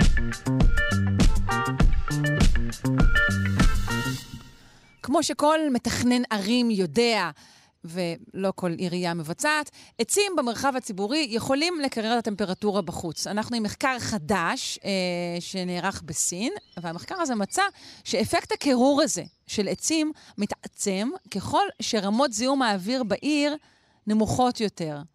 כאילו, מה זה, מבצע כזה של 1 פלוס 1. זאת אומרת, עדיף לנו להילחם בזיהום ובהתחממות יחד. נפנה לפרופסור יואב יאיר, דיקן בית הספר לקיימות באוניברסיטת רייכמן וחוקר אטמוספירה וחלל, שיספר על המחקר הזה. שלום. שלום, בוקר טוב שרון בוקר ולכל. המאזינים. אז זה, נשמע ממש לא הוגן, שכאילו, אתה יודע, אם אני רוצה שהעצים יעזרו להתחממות, אני צריכה גם להפחית את הזיהום. לא, האמת היא שיש פה משחק לא פשוט כל כך. מי שמסתכל על התוצאות של החוקרים מאוניברסיטת ננג'ינג בסין, שהתפרסמו ב-Nature Geoscience, אה, דיון גה וחבריו, אה, המשחק הוא די מורכב בין העובדה שיש זיהום אוויר באטמוספירה, שמשנה את מאזן הקרינה שמגיע על פני השטח, לבין האפקט של הקירור, שכמו שאת אמרת, ייעור בתוך מרחב עירוני עשוי להשיג. זה מעבר לצל, יש פה גם עניין של שטפים של לחות ושל חלקיקים, והמשחק אה, הוא מורכב ביותר, בין היתר, כי עצים הם בעלי אלבדו נמוך. מה זה אלבדו? כן. אה, זה שיעור מקרינת השמש שמוחזר ישירות אל החלל. בשטחים בהירים, אלבדו גבוה, הרבה קרינת שמש חוזרת ישירות אל החלל, ולכן הטמפרטורה בפני השטח אמורה לרדת. ועצים למעשה עושים את הדבר ההפוך, כי הם כהים. אז הם בולעים יותר קרינה ולכאורה אה, עשויים לתרום דווקא לעליית הטמפרטורה באופן אירוני, אבל כאן נכנס אה, הנושא של אבפוטרנספירציה, כלומר השטף של הלחות שהעצים משחררים במהלך תהליך ההטמעה, וזה בסופו של דבר, כשעושים את החשבון הכולל, וזה מה שהחוקרים אה, ניסו לעשות במודל שלהם, אה, רואים שהאפקט הכולל הוא קירור. קירור שיכול להגיע אפילו, לפי החישובים שלהם, באזור מזרח סין, הם הריצו את הסימולציות על המרחב שבין בייג'ין לשנגחאי, וכל האזור העצום הזה, שיש בו מאות מיליוני בני אדם, אה, לקירור בתרחישים אופטימיים של הפחתת אה, זיהום אוויר של עד אה, 0.4 מעלות צלזיוס, שזה. קירור דרמטי. אוקיי. כן. אה, אז אה, אוקיי, אנחנו- פשוט אני גם חושבת על, על, על עוד אה, דוח שקראתי הבוקר שאומר שאנחנו פשוט לא עושים כלום, פחות או יותר, וההתחממות הולכת אה, אה, כן, נכון, להחריף יותר ויותר.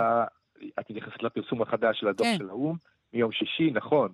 בשורות לא טובות אה, שאומרות שאנחנו לא עושים את השיעורי בית כמו שצריך וצריכים לא. לחזור חזרה. אה, לא עומדים בקצב של הפחתת הפליטות אה, של הפחמן הדו-חמצני. ואגב, אה, בחברי המאמר מציינים שסין היא כמובן הפולטת הגדולה ביותר של פחמן דו-חמצני לאטמוספירה בעולם. יותר מארצות הברית והאיחוד האירופי ביחד. בשנה כ-20 מיליארד טון של CO2, אם זה המספר שאני זוכר, אבל כמובן שזה לא הדבר היחידי שמנסים לעשות, לצנן את הערים, הם כמובן עובדים על מיטיגציה, על הפחתה ומעבר לאנרגיות כן. מתחדשות, והשאלה היא מה יקרה קודם. זאת השאלה שמסקרנת את כולנו. האטמוספירה מספרת לנו אה, סיפור די ברור לתוצאות של ההתחממות העולמית, ולכן הדוח שאת קראת הבוקר ונשתף בו את המאזינים מתפרסם אה, ומצביע על פיגור משמעותי בהתחייבויות של המדינות כלפי ההפחתות אליהן הן התחייבו באמנת פריז שנחתמה ב-2015. אה, אז רגע, אז אם אני חוזרת למחקר הזה, אם אנחנו כבר בסין, אז הכוונה היא, אה, כלומר, באיזה אופן בדיוק הפחתת הזיהום אה, מסייע לעצים לקרר. כלומר, זה לא העצים עצמם שמפחיתים את הזיהום, זה גם נכון, אבל הפחתת זיהום אחרת, שלא קשורה לזה לכאורה, היא עוזרת לעצים לקרר. כן? נכון, כי מה שקורה כשאנחנו מסלקים את החלקיקים, בעיקר ה-PM2.5, כלומר חלקיקים שהקוטר שלהם הוא קטן מ-2.5 מיקרון, מה שאנחנו קוראים חלקיקים נשימים, אז הסילוק של חלקיקים מהסוג הזה, אה, לכאורה, מגדיל את כמות הקרינה המגיעה ישירות לפני השטח, אבל זה תורם לצמיחה המהירה יותר של העצים. אז יש פה באמת אינטרפליי, מין משחק כזה כן. בין כמה אה, זה טוב לסלק CO2, אה, סליחה, חלקיקים פי 2.5 מהאוויר, שלכאורה גורם להתחממות אה, בפני השטח, אבל אז העצים נכנסים אה, לפעולה ומקררים יותר מהר, והנטו, כמו שאמרתי, הוא שלילי, כלומר קירור.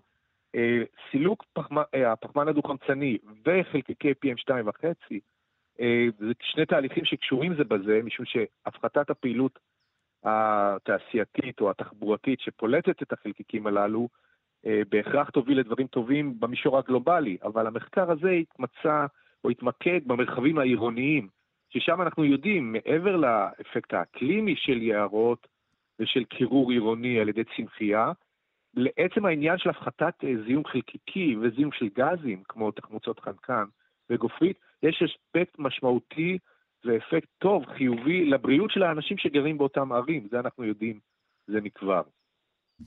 כן. בסופו של דבר, אה, המיקרופיזיקה היא מורכבת, המאזן הזה בין ענני חלקיקים שיש באוויר לבין כמות הקרינה שמגיעה לפני השטח והתגובה של הצמחייה לריבוי הקרינה, לבין האפקטים הטובים שלעצמם שיש להפחתת אה, זיהום אוויר. סין והערים בסין הם אחד המקומות המזוהמים ביותר בכדור הארץ. יש לציין אומנם שהודו לקחה את המקום הראשון, אבל אני תמיד נותן לסטודנטים שלי באוניברסיטה רייכמן, בקורס שאני מלמד, אה, תרגיל להשוות בין ערים בעלות אותו מספר בני אדם בהודו ובסין, ולציין איפה יש אה, זיהום אוויר גבוה יותר, ואיפה סיכויים של התערבות כזאת, של נטיעת יערות עירוניים, יכולה להשיג תוצאות טובות יותר. ומה התוצאה? סין. סין, באופן. מובהק. כן, אז בעצם. למה הודו לקחה את הבכורה? זה קשור הודו יש בעיה אחרת, שהזיהום אוויר העיקרי בהודו הוא דווקא ממה שאנחנו קוראים biomass burning, שריפת ביומאסה ופליטה של כל החומרים שנלווים לשריפות גזם חקלאי וזיהום אוויר עירוני, שמגיע אל העיר דווקא מאזורי הספר בפריפריה, ויש שם אה, תקופות שאני ראיתי כותרות די מזעזעות בעיתונים, אבל מאמרים שהתפרסמו בעיקר בחודשי החורף, כאשר התנאים הסינופטיים במרכז הודו הם כאלה שלא מאפשרים לזיהום להימהל ולהתפשט, כלומר ל- לרדת בריכוז, אה, כתבו על דלהי שהיא כמו גס צ'יימבר, אוי, על האסוציאציה וואו, הנוראית, אוקיי. אבל, אבל זה ידוע שזיהום האוויר בהודו הוא ברמות קיצוניות כאלה שאנשים, אני זוכר שקראתי שהיה איזה סטארט-אפ מצליח בהודו של יבוא אוויר נקי מניו זילנד בבקבוקים להודו, כדי שאנשים יוכלו אה, פשוט ל... ואז מה, איפה. פותחים את הבקבוקים האלה? סוגרים את הדלת ופותחים בקבוק של אוויר מ- ממקום כן, נקי? האמת היא שזה מדובר על, על בעיקר על ילדים ועוללים שסובלים ממחלות נשימה וצריכים אוויר נקי, משום שריכוזי החלקיקים באוויר המזוהם בערים הגדולות בהודו הוא כל כך קיצוני שזה פשוט מגיע לסכנת מוות. וואו, אז אוקיי, אז הזיהום אוויר בהודו מגיע מאזורי הספר והחקלאות, הזיהום אוויר בסין מגיע יותר מתעשייה, נכון? דווקא... ותחבורה, מ- נכון. ותחבורה כן. ממרכזי הערים. אז שם, אה, כמו שאנחנו אומרים, האפקט הזה של אה, נטיעת עצים בד בבד עם צמצום זיהום האוויר, אה, יכול להביא לקירור. אני מודה לך מאוד, פרופ' יואב יאיר, דיקן בית הספר לקיימות באוניברסיטת רייכמן וחוקר אטמוספירה וחלל. שבוע טוב, שנה טובה. שבוע טוב, שנה טובה, שרון, נדבר בשנה הבאה, כן, להתראות. ביי.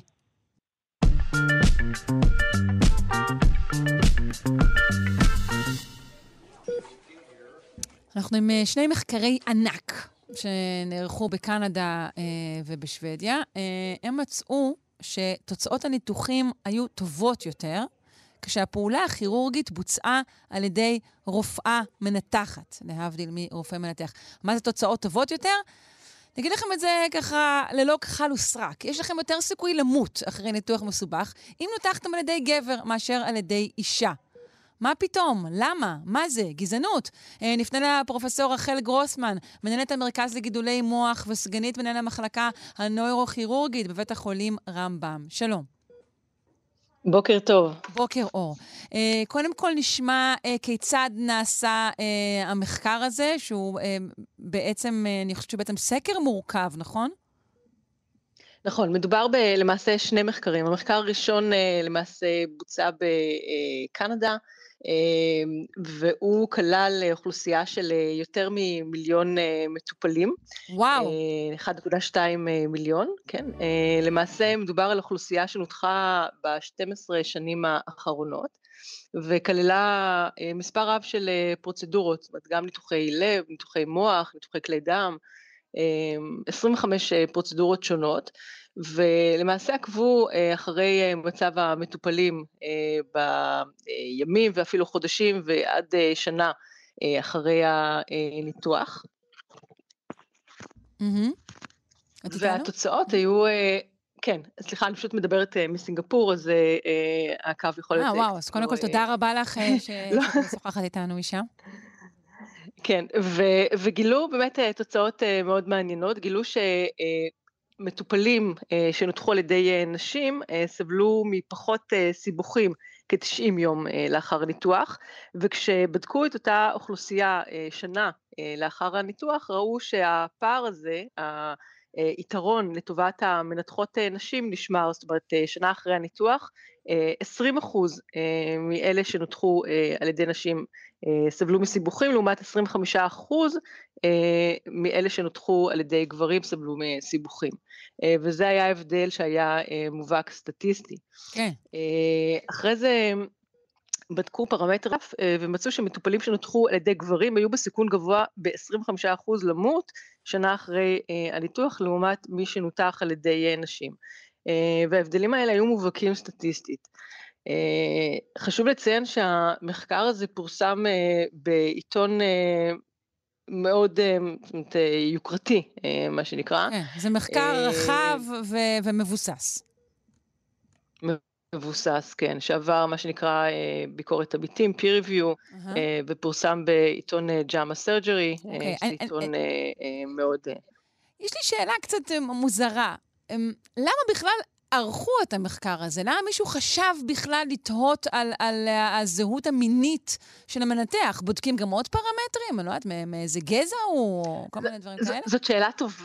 זאת שאלה טובה שאין לי עליה תשובה, אבל uh, אני גם מבצעת מחקרים, ותמיד כשאנחנו uh, מבצעים מחקר, אנחנו בודקים את הפרמטר הכי בסיסי, שזה למשל גיל וזה מין. ויכול להיות שהפרמטר הזה של מין קפץ לאותו חוקר ככה במשך כמה פעמים, ואז הוא החליט כלומר, אולי זה לבדוק שנגיד את זה. הופיע באיזה. עמודה, ואז אמר, היי, רגע, מה קורה כאן? אוקיי. מה קורה פה? כן, מה קורה פה? אה, זה בדרך כלל מתחיל מאיזושהי אה, תחושת בטן, אה, ואז אה, כשזה מספיק מבוסס וזה חוזר על עצמו, אז בדרך כלל אה, זה מספיק חשוב כדי שזה יצדיק מחקר. כן, כי הזכרת גיל באמת, ואנחנו לא יודעת, עוד לא, עוד לא הגיע מחקר אה, שאומר, אה, לא כדאי לכם להתנתח אצל אה, מנתחים אה, מבוגרים יותר או צעירים יותר. זה עוד לא הגיע, אבל יכול להיות שגם זה יגיע. כן. נכון? אני, אני לא יודעת, זאת אומרת, את כן. יודעת, לגיל יש גם אה, יתרונות רבים. נכון, לא, אני אומרת, יכול גם. ההפך, יגידו גם לא כדאי לכם אצל צעירים יותר. אני לא אומרת בהכרח שזה יהיה אה, אה, גילני אה, אה, לכיוון הזה. אה, בואי נדבר על, יש בכלל איזה שהן אה, סיבות שמצוינות? לא, נכון? זה רק נתונים, מה שיש לנו לפנינו. נכון, הם בעיקר אה, מעלים אה, איזושהי השערה שיכול להיות אה, שרופאות הן מנתחות לאט יותר, מה שאולי מסייע לאיזושהי הקפדה שנדרשת בחדר ניתוח, אבל זה בגדר ספקולציה בלבד. כלומר, אין, אין פה איזושהי אה, השערה. אני אגיד לך לאן אני חותרת, ושוב, גם זאת, כמובן, זה וואו, זה סופר ספקולציה. יכול להיות שכשאוכלוסייה כלשהי, במקרה הזה אוכלוסיית נשים, היא יחסית אה, טריה יותר במקצוע, ויחסית צריכה הייתה להיאבק על מקומה, ייתכן שלפחות בשלבים הראשונים היא עושה עבודה טובה יותר. אני נוטה להסכים איתך. אני חושבת, יש. יש כאן הרבה השערות ואנחנו לא יודעות את התשובה, אה, ומאוד יכול להיות שהתשובה היא כמה גורמים ביחד, אבל בתחושת בטן שלי, ומהניסיון האישי שאני עברתי, אני חושבת שכיום אוכלוסיית האנשים המנתחות אה, לא דומה לאוכלוסיית הגברים המנתחת. זאת אומרת, נשים, אה, כדי להיות, אה, להגיע למעמד של אה, מנתחות בכירות, אה, צריכות אה, לעשות יותר אה, ולהתאמץ יותר. ולכן יש כאן איזשהו, מה שנקרא selection bias, איזשהו, אה, אה, אה, איזשהו מצב שהאוכלוסיית הנשים שהגיעה לאותה, לאותו מעמד, היא בעצם כנראה עברה סלקציה אה, אה, יותר קפדנית, ובעצם מדובר על אה, אוכלוסייה מאוד מאוד איכותית. Mm, ככה כן. אני רואה את זה. כן, אני מבינה. וציינת את כל התחומים שבהם אה, המחקר הזה נערך. זה גם ספציפית בתחומים שלנשים אה, לקח אולי יותר זמן להגיע אליהם? תח, תחומי הכירורגיה הספציפיים האלו? ההכשרה היא אותה הכשרה. אה, אבל אה, יכול להיות שהן יהיו צריכות אה, למשל אה, לצבור יותר ניסיון, אה, לבצע יותר ניתוחים, אה, כדי להגיע לאותו מעמד כמו העמיתים הגברים שלהם אה, באותו מקצוע. כן. טוב, אה, אולי אבל עכשיו, בעקבות אה, אה, פרסום המחקר, זה יעשה איזושהי הטיה לכיוון השני, והמנתחים יגידו, היי, רגע, מה קורה פה? אולי אני צריך אה, לנתח יותר לאט או משהו. אני, אני, לא, אני לא בטוחה שהקצב אה, זה העניין פה, יכול להיות שנכנסים לפה איזה שהם כן תכונות אה, נשיות, אה, אולי שקשורות אה, לאגו וקבלת החלטות, ואני אני באמת אה, לא יכולה לומר לך את התשובה. אה, זה באמת אבל אה, מעניין כי זה מעלה הרהורים. כן. אה, ואת יודעת, ימים יגידו. נכון, אני תוהה אם, אה, את יודעת, איך היה מתקבל מחקר שמראה תוצאה הפוכה. אה, לא נראה לי שטוב במיוחד. תשמעי, מחקר זה מחקר, זאת אומרת, אלה תוצאות. זאת, זאת אנליזה סטטיסטית. כן.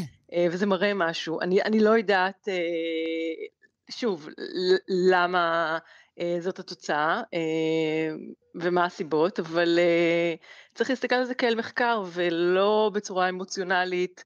אה, ואין מה להיפגע. זאת אומרת, אני... לא, נכון, אבל ש- ברגע ש- שבעצם אומרים לנו, את יודעת, ב- ב- כשהמחקר מחקר מהסוג הזה יוצא כמובן גם, גם לתקשורת הפופולרית, בעצם אומרים לנו, היי, חבר'ה, כדאי לכם שמנתחת תנתח אתכם. אה, אנחנו נדרשים גם להשלכה החברתית של דבר כזה.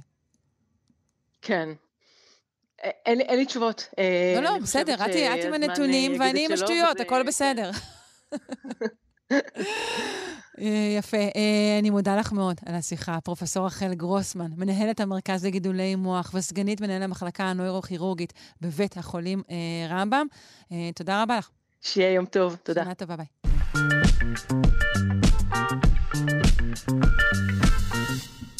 האם אה, רק האדם הוא יצור חברתי? איפה? מה פתאום? אה, מחקר חדש מראה שדגים אה, שגילו שהם יצאו פראיירים, מתבאסים על חברים שלהם.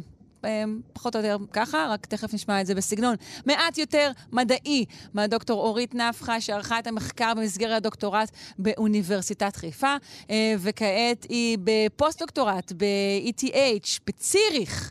שלום. שלום, היי. את מדברת אלינו מציריך עצמה? כן, כן, מציריך החמה, חם פה נורא. באמת? ואין מזגנים.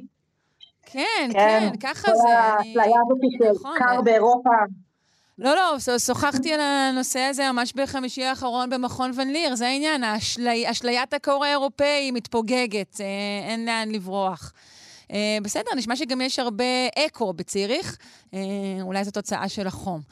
אני רוצה לדבר איתך אה, על המחקר הזה, אה, על אילו דגים אה, הוא נערך? אה, על דגי הארטיופיש, דגי הצלף, אה, שבעצם מה שמיוחד בהם זה דגים שבטבע כשהם רואים חרק הם בעצם ככה הם צדים אותו, הם יורקים על הדג, על ה... סליחה, הם יורקים על החרק ומפילים אותו למים ובעצם אה, ככה הם אוכלים, זאת התזונה שלהם. הם יורקים בעצם- עליו, ו- אבל מה קורה לו כתוצאה מהיריקה? הוא נופל למים ואז הם תופסים אותו. וואו. ואז אוכלים אותו. איזו שיטה. כן, כן, זה ממש מגניב, וזה התפתח, יש להם, היכולת יריקה שלהם זה יכולת מאוד משוכללת, הם ממש מדויקים, ולמרחקים, ובגלל, אני אספר עוד מעט, הם דגים גם מאוד תחרותיים, שהם גונבים אוכל אחד מהשני, אז בגלל זה הם גם יודעים איך לכוון שלרו, ש, אה, לחרק, שהם יצליחו גם לתפוס אותו.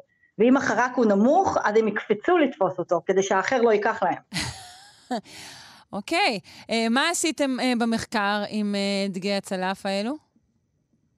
אוקיי, אז בעצם מה שעשינו במעבדה, היכולת הזאת של לירוק על אה, חרקים, אז בעצם במעבדה אנחנו מאמנים אותם לירוק על מסכי מחשב, ואז בעצם אנחנו יכולים להציג להם איזושהי מטרה, גירויים כלשהם, הם יורקים עליו ואז הם מקבלים בתמורה אוכל. ואז בעצם אפשר את אותן מטלות שאת עושה על בני אדם, לעשות על דגים, כי בדרך כלל דגים את לא יכולה להגיד לו בוא תלחץ על כפתור. כן. אז באופן הזה אנחנו יכולים לבדוק פרופורציות, לבדוק spitting time וכאלה דברים. אה, אז אנחנו התמקדנו בשאלה החברתית, כמו שהצגת קודם, האם בעצם הדג יבחר בחירות שהן יותר אה, פרו-חברתיות. אז בעצם אני לקחתי אקווריומים זוגיים, שהיו שם, היה דג בכל צד, אבל הייתה מחיצה בין הדגים, ככה שהדג לא יכול לעבור והאוכל לא יכול לעבור, שזה גם חשוב. אוקיי. ובעצם היה דג שהיה הדג היורק ודג מקבל. והדג היורק היה צריך להחליט בכל תור האם הוא בוחר במטרה שהתוצאה, שאם הוא יורק עליה אז הוא מקבל אוכל, אבל גם הדג לידו מקבל אוכל, או אם הוא יורק על מטרה אחרת שבעצם רק הוא מקבל אוכל. מה? ומה שמצאנו... וואו, זה מה, ש... זה מה שעצם מה, מה ששמתם מול הדג?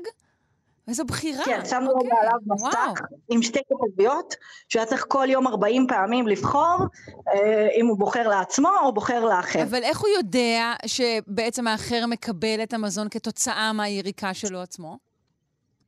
הוא בעצם, הוא רואה את זה, בעצם האחר, הם ביחד, הם, שות, הם אה, חולקים את אותם מים, והוא רואה את האחר, זו זכוכית שקופה.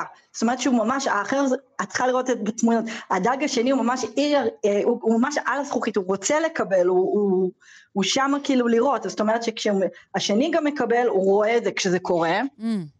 אה, אבל לא, זה אומר שיש לו יכולת להסיק גם, שיש קשר בין זה שהדג השני נהיה מבסוט לבין היריקה שלו עצמו. כן, עכשיו זה לא רק זה, כאילו אמרנו, אמר, אוקיי, את יכולה, מישהו יכול לבוא ולהגיד ביקורת, אוקיי, אולי פשוט יש פה איזושהי העדפה לצבע מסוים. נגיד, אה, את יודעת, זה היה כחול וירוק, כחול ואדום, אז יכול להיות שהוא פשוט אוהב דג אדום, כן?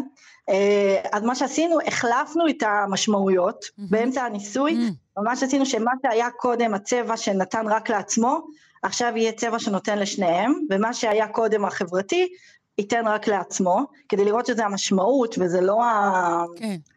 שזה לא מדובר פה בעצם כאילו באיזה התניה. והוא החליף, כל הדגים החליפו גם את הבחירות שלהם, ונתנו שוב את ה... בחרו שוב את, התות... את המטרות החברתיות. רגע, רגע, זה, שכנראה- זה מה שיצא? שנייה, אמרנו יש דג אקטיבי, דג פסיבי, נכון? הדג האקטיבי הוא זה שבוחר האם רק הוא יאכל או גם השני, ומה מה יצא? הוא, הוא, הוא תמיד, הוא שמח להאכיל גם לדג השני? כן, כשתמיד, כשהם קיבלו אחד-אחד, תמיד הוא שמח. תמיד אה, כשזה היה אוכל אחד לעצמו ואוכל אחד לשני, תמיד הוא שמח. אוקיי. כשהחלפנו את המשמעות של הצבעים, ש... אז הוא גם החליף, ושוב, הוא נשאר עקבי, שהוא תמיד הדגים, עכשיו זה לא רק דג אחד, זה השתחרר בכמה וכמה דגים. אה, ואז הוא בעצם גם בחר את הבחירות החברתיות. עכשיו חשוב להגיד פה שני דברים מעניינים. אחד, אחר כך עשינו ניסוי אה, ביקורת, לראות מה קורה כשאין דג בצד השני, כי אז את יכולה להגיד, אולי פשוט רצה יותר אוכל בסביבה שלו, כי זה אותם מים והכל. אהה. אז כשהוצאנו את הדג מהצד השני, אז לא היה הבדל בבחירות שלו. זאת אומרת שעדיין היו שתי מטרות, אחת שנותנת רק לו אוכל, ואחת שנותנת לו ולאקווריום ריק, וכשלא היה שם דג בצד השני, לא הייתה לו העדפה. זאת אומרת שהוא הבין שהוא נותן לדג בצד השני, וואו. ולשאלה שלך, או מה שאמרת בהתחלה עם ההוגנות או המרומים, זה בעצם כשהדג, הש... ואז רצינו לראות מה, מה בעצם הגבול של זה, ואז אם הדג השני קיבל יותר אוכל ממנו, כלומר עכשיו הייתה לו בחירה בין אוכל לעצמו וכלום לאחר, או אוכל לעצמו ושתי חתיכות אוכל לאחר. במקרה הזה, כל הדגים הפסיקו לתת. די. זאת אומרת... באמת? כן, כן. וואו.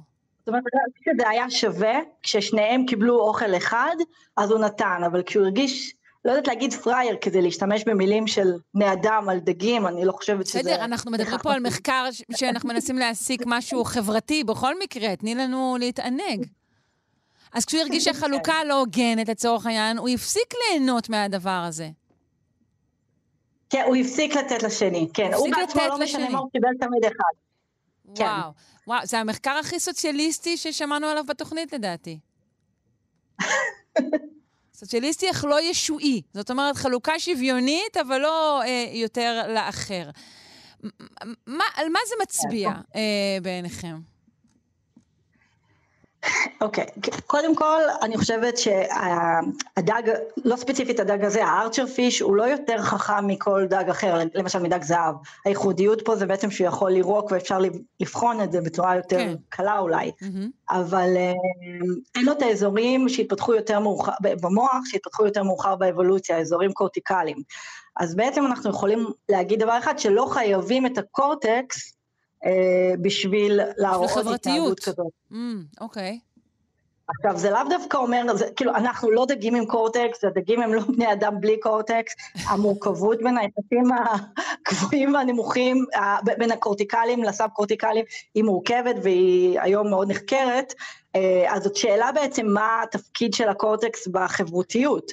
אם פעם חשבו שזה תפקיד מאוד מרכזי, אז עצם זה שאנחנו רואים בדגים שמראים גם התנהגות כזאת, שבעצם רוב המחקרים כאלו נעשו עד עכשיו ביונקים. אמ, ופחות בחיות שהן כל כך רחוקות אבולוציונית. אז אני חושבת שדבר אחד, זה מעניין לראות התנהגות כזאת ולהמשיך לבחון מה הגבול בחיה בלי קורטקס. שאולי הקורטקס התפקיד שלו לשכלל את זה, כי בעצם אנחנו יכולים לתת גם למי, לעזור למישהו שלא לידינו, ודג לא בטוח יכול לחשוב עכשיו על דג במעבדה אחרת בבאר שבע ולתת לו, רוב הסיכויים שלא, כאילו, בטוח שלא.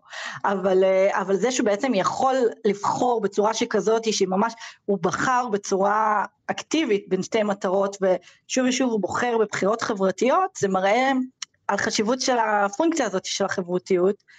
וגם עוד משהו מעניין, בגלל שאלו דגים שהם תחרותיים, אז גם רוב המחקרים היום בחיות, או בכלל מצאו את העדות להתנהגות פרו-חברתית בחיות שהן אה, אה, מגדלות ביחד צאצאים, חיות מונוגמיות, חיות שהן יותר חיות בחברה שיתופית. אז עצם זה שאנחנו מוצאים את זה בחיה שהיא מאוד, שידוע שהיא תחרותית עד קליפטומנית, אז זה מראה שיש לזה חשיבות בהישרדות האבולוציונית. אה, המנגנון, אני מניחה, הוא שונה. אה, אם פה אולי זה להימנע מאלימות, ובחברה שיתופית זה בשביל להגדיל את התועלת של הקבוצה, אבל אה, עדיין אנחנו וגם רואים שוב, כמה הצ- זה- הצבענו, הצבעתם על הבדל בין מצב שיש בו נגיד שפע והוגנות, ואת אומרת שבטבע יש גם התנהגויות של גניבה, שזה מצבים שכנראה אין בהם כזה מין שפע אוטומטי בלתי מוגבל. כן, שהחברה היא מאוד מאוד משפיעה, אבל אם היה להם אינסוף אוכל, ולא משנה מה הדג כן. היה יודע שהוא מקבל אוכל, עכשיו יש מחקר שאנחנו מריצים, מה קורה שהדג באמת יכול יותר להפסיד. שכאילו עד עכשיו תמיד הוא קיבל אוכל אחד. מה קורה שבעצם מצב שיותר מדמה אולי אלטרואיזם, מה קורה שהדג מקבל שתי חתיכות של אוכל, והשני הפסיבי מקבל אפס, והוא מקבל, והדג היורק, או מצב של אחד-אחד. נכון. אה, האם בעצם, אה, מה יקרה? האם הוא יפסיד או לא יפסיד וכולי. אז זה אני עוד, בהמשך נדע להגיד לך, זה מחקרים שרצים כרגע, לנסות לדמות יותר אה, מצבים כאלה. אבל אה, נגיד עוד משהו שהוא מעניין שאפשר ללמוד, ללמוד פה, בעצם יש טענה היום אה, די חזקה בספרות, שאולי חברתיות זה משהו שהוא כמו, שהוא אינטואיטיבי, שהוא רפלקס, וזה מחזק את זה לראות את זה בדג, בלי אזורים מורכבים במוח, שבעצם כל עוד ה-outcome שהתוצאה היא שווה, אז הוא ייתן, אבל אה, וברגע שהיא לא שווה אז הוא יפסיק לתת, אה, שזה בא על חשבונו, אה, ושזה מעניין שיש לזה ככה בסיס אבולוציוני. מאוד מעניין. אמ, כל המחקרים האלה של באמת אלטרואיזם בטבע הם מרתקים, והם גם באמת סותרים לעיתים כל מיני הנחות מקובלות בכלכלה ובמחקר חברתי. אה, אני מודה לך מאוד, ונשמח להתעדכן על המחקרים הבאים אה, שלך. תודה רבה, דוקטור אורית נפחא. תודה רבה. ערכה את המחקר הזה במסגרת הדוקטורט באוניברסיטת חיפה. אה, תודה רבה, להתראות. ביי ביי, להתראות.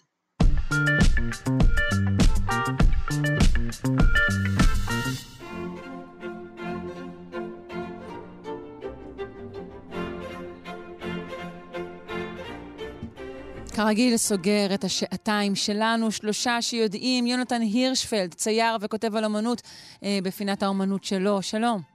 בוקר טוב, שרון. מה, נדלקת על הכפות ידיים ואתה לא יכול להניח להן. ממש ככה, זהו, ששבוע שעבר דיברנו על הכפות ידיים בציורי המערות, נכון. ונזכרתי בהטבעת כף היד המהממת של אה, ג'קסון פולוק מהמופשט הנשגב האמריקאי של אה, שלהי שנות ה-40 וראשית שנות ה-50, וחשבתי לעצמי שאפילו שסיפרתי אגדה על הקשר בין התשלילים האלה במערות לבין הניסיון לגעת, כן, לגעת בנשגב, לגעת עם אה, כוכבית לפני ואחרי, שזה עושה את זה מודגש, כן? אה, לגעת ב... בוואטסאפ. כן, כן, אני הבנתי לגמרי, אבל עכשיו אנחנו צריכים לדברר את הוואטסאפ, ההיפוך הזה הצחיק אותי, כן. אה, לגעת באינסוף, במוות באלוהי, וחשבתי שיש ניסיון הרבה יותר מודע לעצמו, הרבה יותר אה, אה, אה, ממש, שהוא על השולחן, לגעת בדבר הזה בתוך המופשט האמריקאי.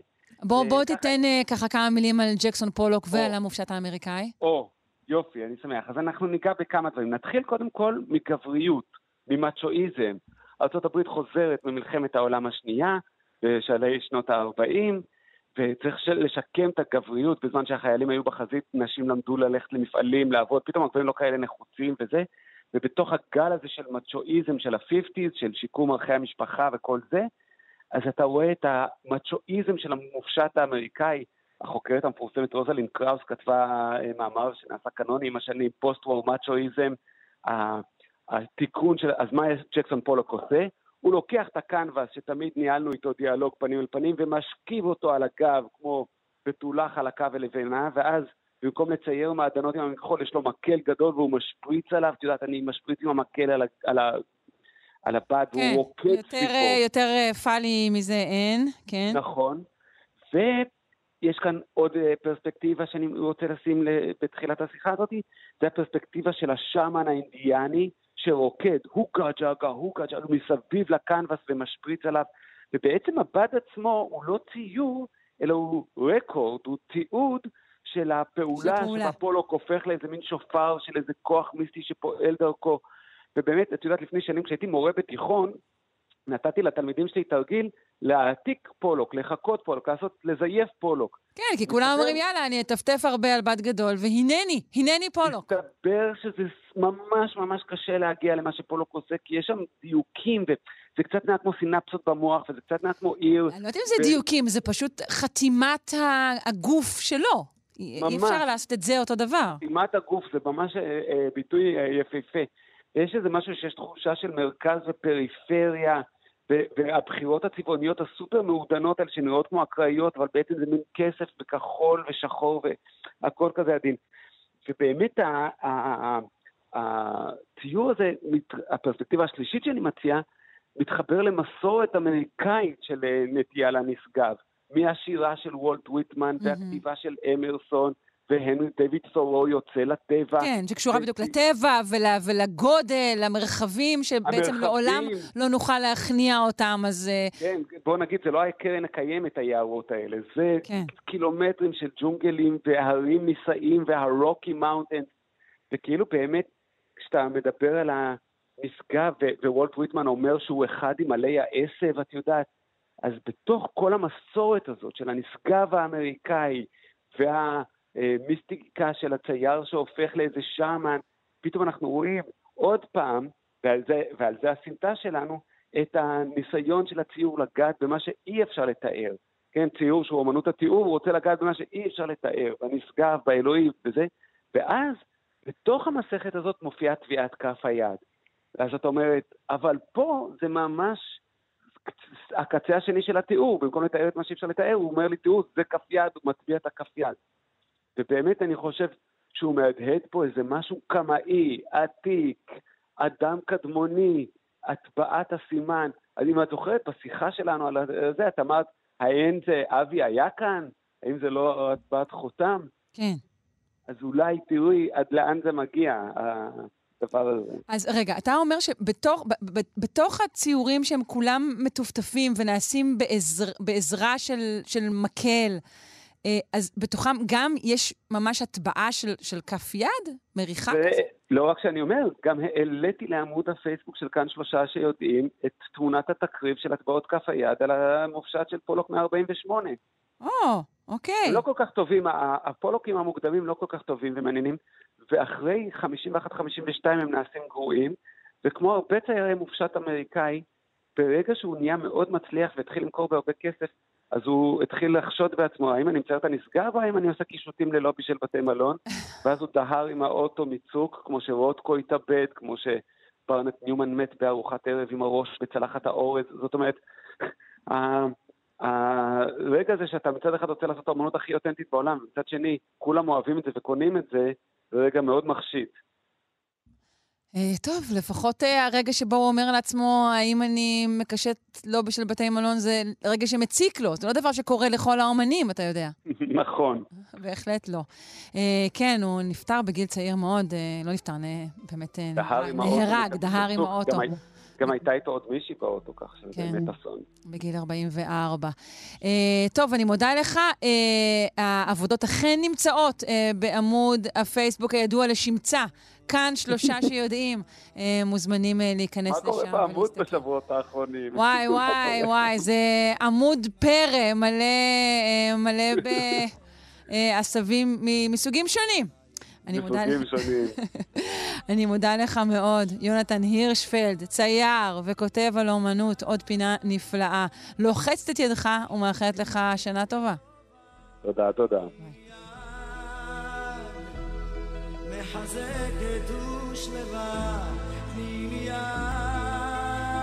עד כאן שלושה שיודעים. מקווים מאוד שנהניתם. מזכירים שאנחנו משודרים בכל יום, מראשון עד רביעי בשבע הבוקר, ובשידור חוזר בשעה שמונה בערב במשך שעתיים. אפשר גם להאזין לנו כהסכת, אה, בכל זמן, בכל מקום ובכל יישומון לבחירתכם. ערכה אותנו אלכס לויקר, על ההפקת תמר בנימין, על הביצוע הטכני דימה קרנצוב. אני שרון קנטור. המשך יום טוב.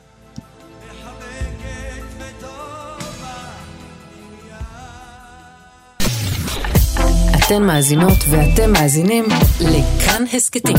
כאן הסכתים, הפודקאסטים של תאגיד השידור הישראלי.